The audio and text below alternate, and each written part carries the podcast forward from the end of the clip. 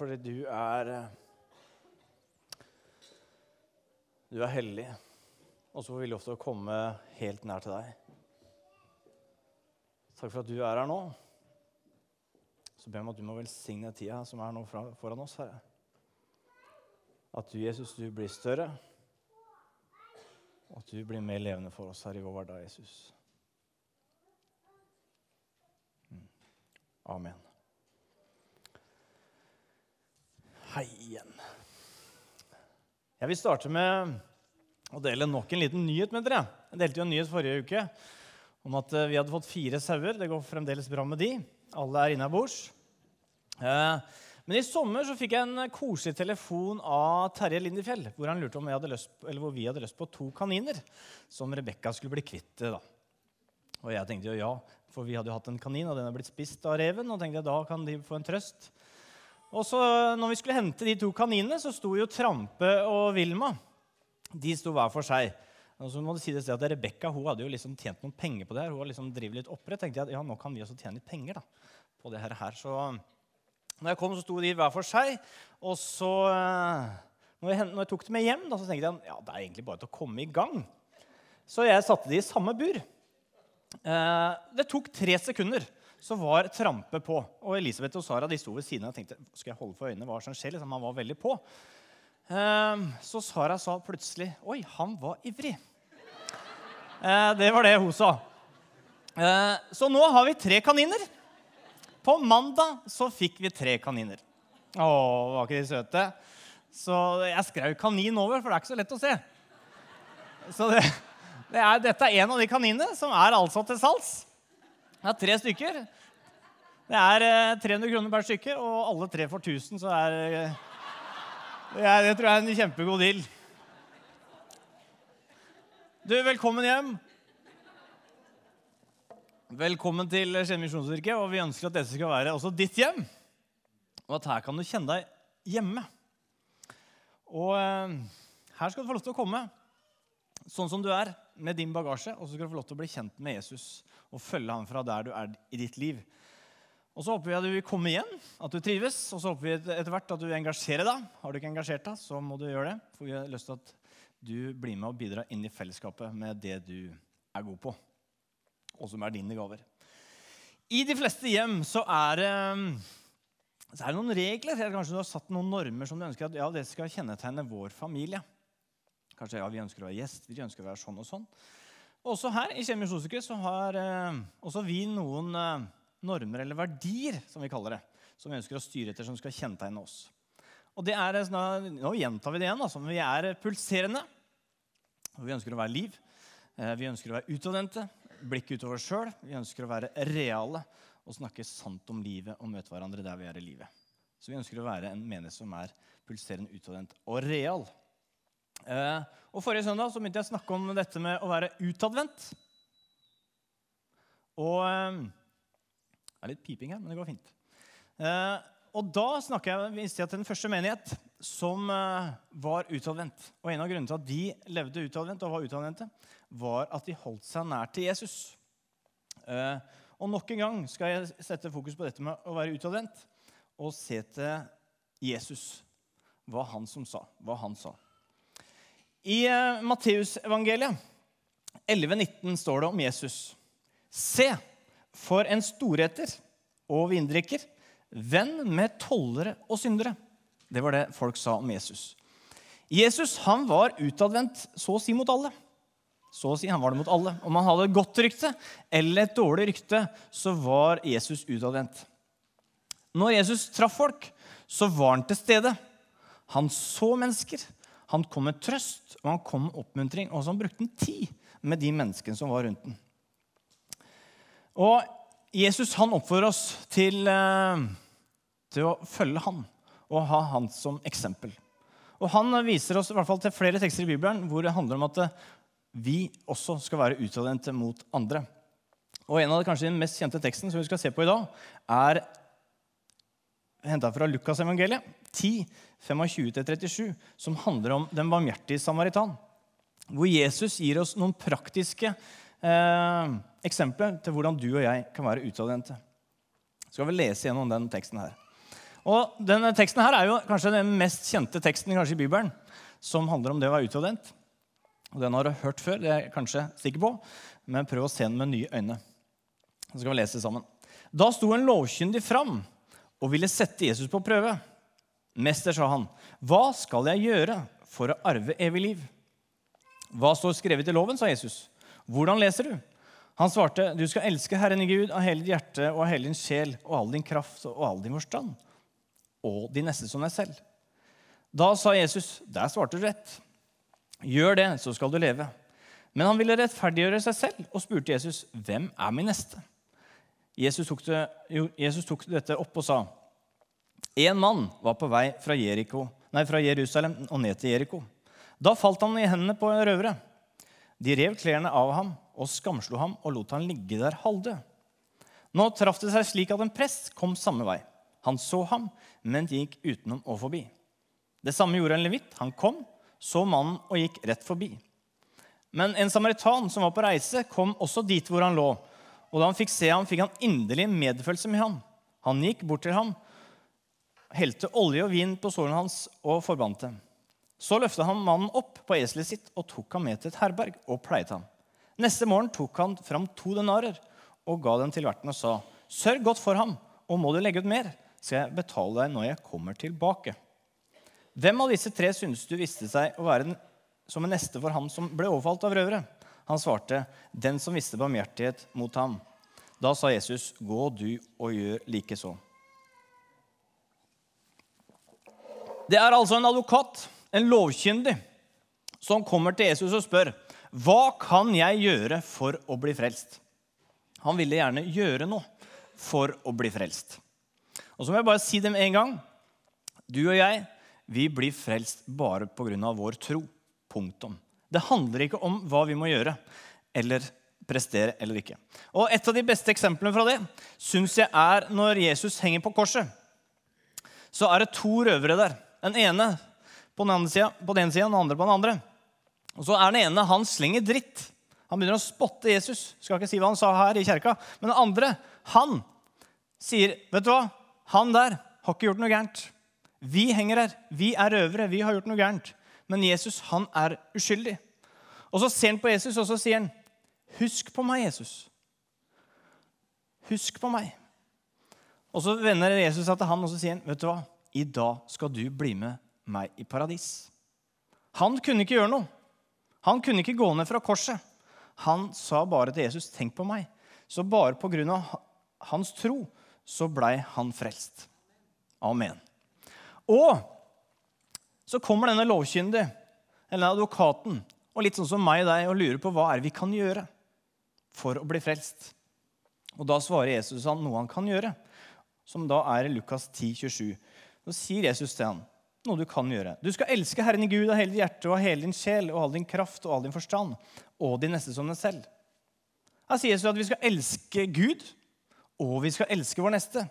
Og så forklarer Jesus da dette hvem som er vår neste, ved å vise til denne barmhjertige samaritanen. Og hva gjorde han? Jo, han viste medfølelse. Han gjorde noe med det behovet som lå foran der. Før han hadde det gått to stykker, to prester, som hadde sett et behov, og så gikk de forbi. Men jeg tenkte vi skulle lese den teksten, ikke hele teksten, altså, men det verset om den barmhjertige samaritan om igjen. Som er da Lukas får vi det på veggen, eh, Oskar Sito. Der står det i hvert fall. Han gikk bort til ham, helte olje og vin på sårene hans og forbandt dem. Så løftet han mannen opp på eselet sitt og tok ham med til et herberg og pleiet ham. Neste morgen tok han fram to denarer og ga til verten og sa, sørg godt for ham. Og må du legge ut mer, skal jeg betale deg når jeg kommer tilbake. Her snakker Jesus om og gir et praktisk eksempel til hvordan du og jeg kan vise nestekjærlighet mot andre. Og denne barmhjertige samaritan han var en, bare en samaritaner. Men pga. han visste barmhjertighet, så har han fått det kallenavnet. Og noe av det, nei, noe av det samaritaneren gjorde, det var at han tok noe praktisk. Han tok noe av det han hadde, og gjorde for den mannen. Og på det andre, så utenom å vise medfølelse, så visste han også en offervilje. offervilje. Han tok som sagt noe av det han hadde, i møte med den personen.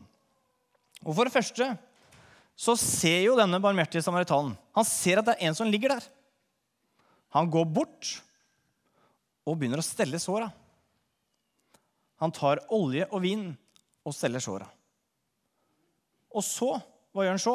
Jo, han drar han ikke med seg til herberget. Nei, han lar mannen ligge oppå eselet. Og så går han med den til herberget. Og der står det at han blei hos den natta over. Han ser til henne den natta. Og så når han kommer neste dag, så gir han to dagslønner til, det, eh, til verten.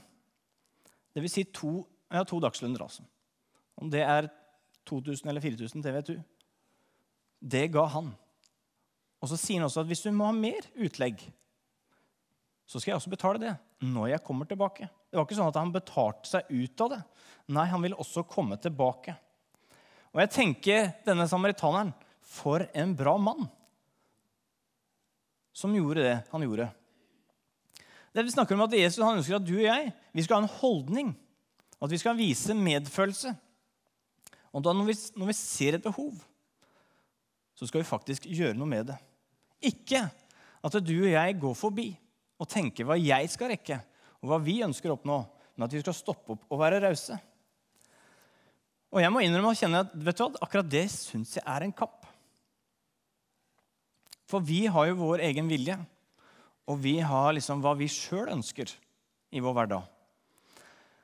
Og livet det består jo stort sett av valg. Det handler om skal jeg stoppe opp, skal jeg gå forbi, skal jeg gå hit eller dit? I noen tilfeller så, vi, så vet jeg at vi blir tvunget til å gjøre noen valg, eller blir påvirka til å gjøre noen valg i livet. Men stort sett så kan du og jeg velge. Og så er det noen valg i livet som får større konsekvenser enn andre. Går jeg inn den døra der, så åpner jeg opp for det. Trykker jeg på det, så åpner jeg opp for det. Går jeg inn den døra der, så har det åpna for å komme hit. Som jeg sier, et bra valg. Og så er det også sånn at hvis du sier ja til noe, hvis du sier ja til å bruke tida di og ressursene på noe, så sier du samtidig nei til noe annet som du ikke vil bruke tida di og ressursene på. Jeg kan i hvert fall stå fram og si at jeg er en, eh, jeg er en livsnytter. Jeg liker å leve nå og liker å liksom benytte tida nå. liksom. Og så vet jeg ikke, Kanskje noen av dere er også livsnyttere. Eh, men kanskje du kanskje bare er kjip. Som lever, jeg vet ikke, Hva er det liksom det motsatte ordet av livsnytter? Er det noen som har det ordet? Det er kanskje ikke kjip. Eh, men om du lever eh, på det som har vært, eller lever forover, så er vi der. Men om vi er livsnyttere enn hva vi er, da, så tror jeg det er viktig at du og jeg tar en timeout. Og stopper opp og tenker over de valga og prioriteringer jeg gjør. Er det de valga jeg virkelig vil gjøre? Er de valga jeg gjør, med på å gjøre meg til en prest som går forbi? Fordi at jeg har hele tida noe jeg må rekke, noe hele tiden noe jeg skal, og jeg har dessverre ikke behov, eh, ressurser til å heller hjelpe. Eller er de valga du gjør, med på å føre til at jeg kan faktisk stoppe opp? Og jeg får med meg de behova rundt meg, og jeg kan bruke av mine ressurser. Klarer vi å se naboen som sitter i vinduet og er litt lei seg? Eller kjører vi bare forbi fordi vi skal rekke noe? Eller klarer vi ikke å få med oss, eller vi er på butikken og så er treffer jeg ei dame som jobber der. Og Så kommer vi i samtale med henne, og så får vi ikke helt med oss det hun egentlig sier. Fordi vi er så opptatt med å handle og komme oss videre. Så vi får ikke med oss at uh, hun går gjennom tøft og har det vanskelig. Eller er det sånn at vi får ikke med oss det barna sier, eller det, hjemme, det de sier hjemme, fordi at uh, jeg er for opptatt av jobben eller å scrolle videre? liksom. Så jeg får ikke med meg at det, grunnen til at de er stille eller litt utagerende, så er det fordi at de har hatt det vanskelig på skolen. Jeg tror spørsmålet er er vi til stede. Klarer vi å vise medfølelse og barmhjertighet til de som vi møter på vår vei? Den barmhjertighet han var på reise. Og jeg kan si at Du og jeg vi er på reise så å si hele tida. Ikke at Vi skal reise, vi er ikke på reise til Syden hele tida, men vi er ofte på reise hit eller dit. Om du er på reise fra, jobb, fra hjemme til jobben din, Om du er fra butikken eller hvor du enn skal, på treningssenteret, de som gjør det, eller du skal fra A til B, da, så handler det om at du og jeg er mye på reise. Og jeg kjenner i hvert fall at i min hverdag, og der jeg er, så utfordrer Jesus meg. da. Er jeg våken? Ser jeg de behov som er rundt meg? Eller går jeg forbi? Så det er egentlig mine bønner for tida. Jeg ber til Jesus, kjære Jesus, hjelp meg til å ikke gå forbi. Hjelp meg til å være våken. Den barmhjertige samaritan han så et tydelig behov. Og jeg tror det at eh, Hadde du og jeg sett en som lå halvdød, som den teksten sier, da, så tror jeg mange av oss hadde stoppa opp. Jeg håper i hvert fall vi har opp, For det er et tydelig behov. Men jeg tror også rundt oss i dag så er det mange behov som kanskje ikke er så tydelige. Behov som er kanskje litt pakka inn. Pakka inn på forskjellige måter. Pakka inn fasade som gjør at vi ikke helt får med oss åssen det egentlig er bak fasaden. Hva som er bak maska. Så Derfor tror jeg det er enda viktigere at vi er våkne, og at vi er til stede og får med oss det som skjer. Og jeg tenker, la det være oss du og jeg, som er til stede, som får med oss de ropa som ligger bak fasaden. De ropa som at 'jeg har det sånn og sånn' utad, men egentlig inni her så trenger jeg at noen ser meg. Jeg trenger at noen bruker tid med meg. La det være meg, deg, som ikke går glipp av det.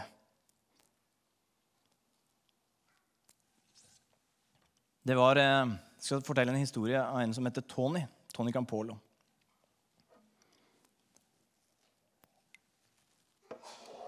Tony han reiste rundt. og Han var på reise, og så våkner han midt på natta. Og det er rundt klokka tre på natta, så kjenner han at han er sulten. Og så tenker han at ja, jeg får gå ut i gata og se om jeg finner en restaurant. Og Så går han litt lenger opp i gata, og der finner han en litt shabby restaurant. Han setter seg ned og får en donut og en kaffe. Og inn på restauranten så kommer det også åtte prostituerte inn, som setter seg like ved.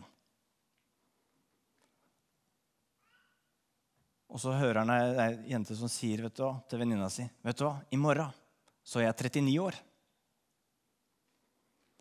Og så sier hun andre har du lyst til at vi skal feire bursdagen din. eller? Forventer du at vi skal komme med kake, eller? Hallo, du er 39 år. Jeg forventer ingenting. Ingen har feira bursdagen min til nå. Og jeg forventer, forventer, jeg forventer ikke at du feirer bursdagen min i morgen heller. Så går litt tid, så sitter Tony Campoli der til de har gått.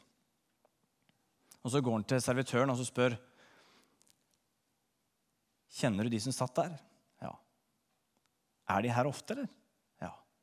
Hva heter hun som satt ved siden av meg? Jo, hun heter Agnes. Vet du hva jeg fikk med meg at Agnes har bursdag i morgen? Hva sier du til at vi dekorerer restauranten i morgen? Og kom med kake. For jeg hørte at hun ikke har hatt bursdagsselskap før. Vet du hva, Det var en glimrende idé. La oss gjøre det. Og så står kona til servitøren ved sida og så sier vet du hva, Agnes hun er ei som bryr seg i byen her. Hun er ei som står opp for de andre. Så neste dag så kommer eh, Tony til restauranten med ting til å dekorere. Og så begynner de å dekorere restauranten, og så henger de opp et skilt eller en plakat i vinduet. 'Agnes, gratulerer med dagen, 39 år'. Så når klokka er eh, tre på natta, så har ryktet gått i området og restauranten er full av prostituerte. Og når klokka er halv fire, så kommer Agnes inn. Og hun skjelver, hun er eh, glad. Og så to venninner må sette, sette, seg ned ved bordet. Og idet hun setter seg ned, så begynner de å synge bursdagssangen for henne. Og da knekker hun sammen. Og så kommer servitøren bort og så sier han, jeg kommer med kaka. og Nå må du blåse ut lyset. Blåse ut lyset, Agnes. Men Agnes klarer det ikke, for hun gråter så. Og så kommer han også med kakespann. Nå må du skjære opp kaka, for vi skal ha kake. Men Agnes blir bare sittende der. Og Så spør jeg til Tony går det greit jeg ikke skjærer opp kaka. For jeg har mest lyst til, er å, skjære, å gi kaka til mamma. Og vise kaka til mamma. Og så sier Tony, vet du hva, det er din kake. Du kan gjøre hva du vil med den. Så Agnes reiser seg opp og går forsiktig ut med kaka. Og så sier jeg jeg kommer snart tilbake. Mamma bor oppe i gata her. Og så er det helt stille i restauranten. Og så sier Tony vi kan be. Så begynner han å be. Kjære Jesus, du kjenner livet til Agnes. Du vet alle de som har gjort ondt mot henne. her. Jeg ber om at, bli, at hun må bli født på ny. At hun kan bli kjent med deg.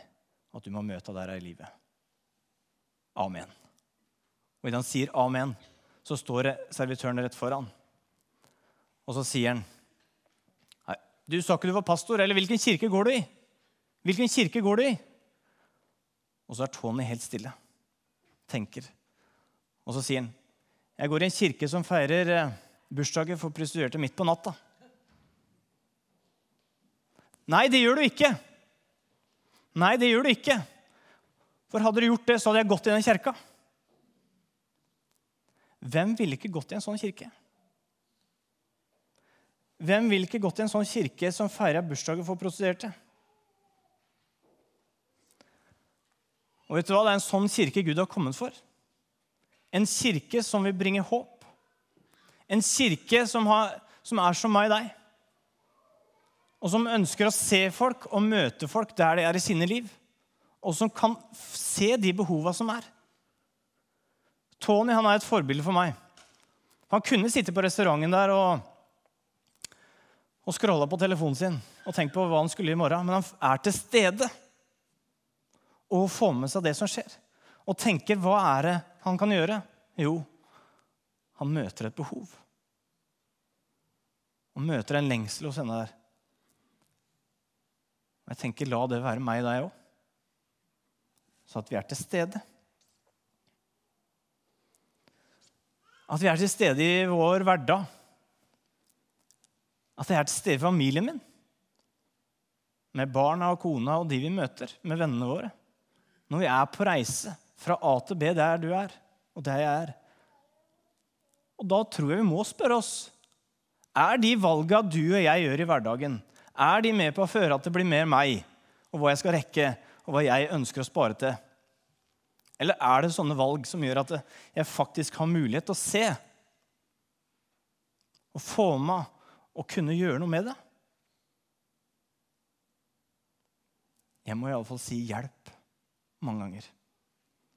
For jeg tror at mange ganger så er jeg faktisk bokstavelig talt den pastoren som går forbi. At jeg er Torbjørn som ser behov, og så gjør jeg ikke noe med det, for jeg skal jo, jeg skal dit. Eller jeg får ikke med meg alt det som skjer rundt meg.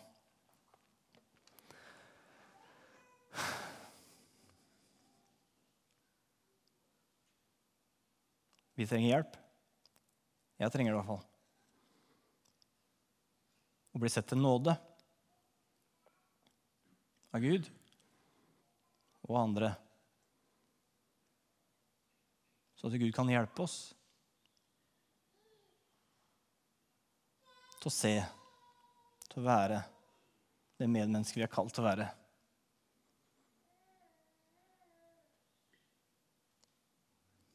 Jeg snakka forrige søndag om, eh, om den første kirke. Og at de, de fikk oppleve. De fikk oppleve under og tegn. Nye kom til. De var godt likt av alle. Og vet du hvem som sto i spissen? Det var Peter. Og for noen uker tilbake, da de opplevde til at nye kom til, så hadde Peter banna på og snudd ryggen til Jesus. Men han fikk lov til å være med på det, alt det gode som skjedde. Og Bibelen vet du hva? Den er full av mennesker sånn som meg og deg.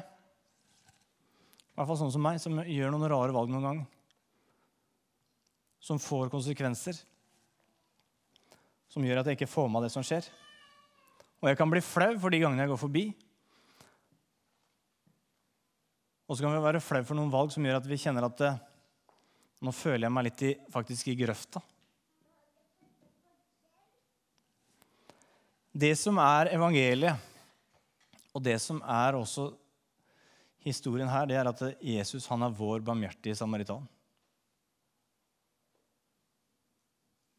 Han er ikke en som går forbi meg og deg.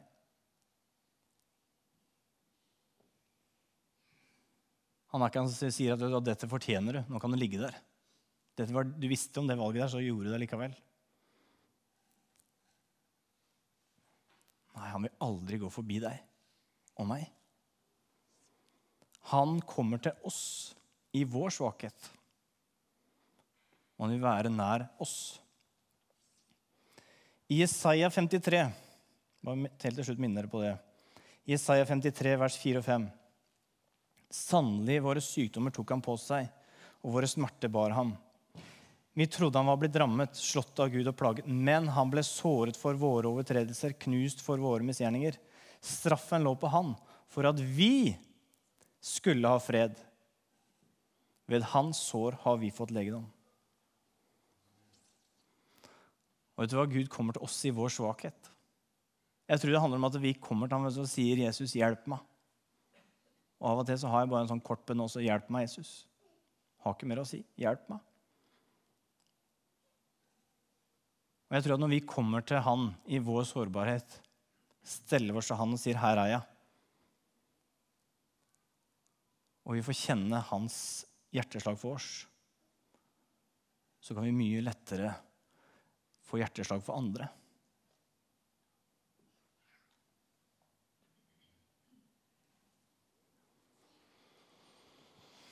Ja, vi ber.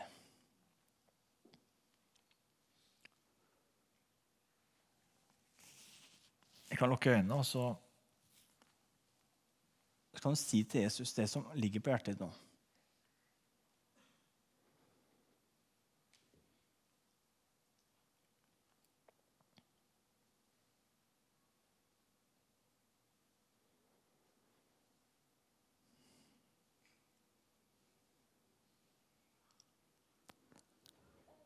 Jesus, takk for at du kommer til oss i vår sårbarhet.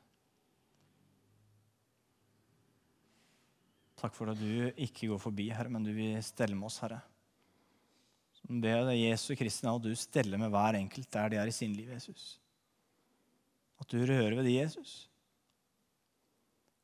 At de kan få kjenne hvor høyt du elsker dem. Så be deg, Jesu Kristi navn, at du må åpne våre øyne så vi ser mer av de som er rundt oss. At vi ser hverandre.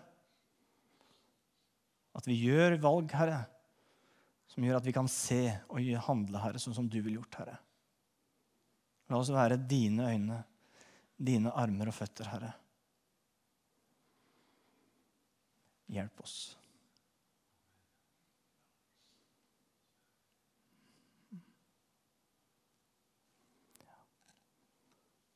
Nå skal vi bruke litt tid i komme framfor Jesus og være mer i hans.